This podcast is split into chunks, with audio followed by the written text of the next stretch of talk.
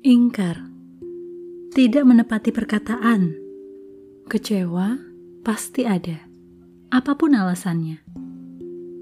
Ada berbagai alasan mengapa janji diingkari.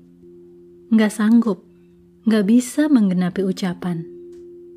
Mungkin ucapan di awal terlalu muluk atau memikat hati. Hati-hati, kita tidak sedang berhadapan dengan benda mati, tapi dengan manusia yang punya hati. Kepercayaan mahal harganya. Saat dihianati, bukan main rasanya. Walau maaf bisa menutupi, tapi belum tentu bisa mengobati.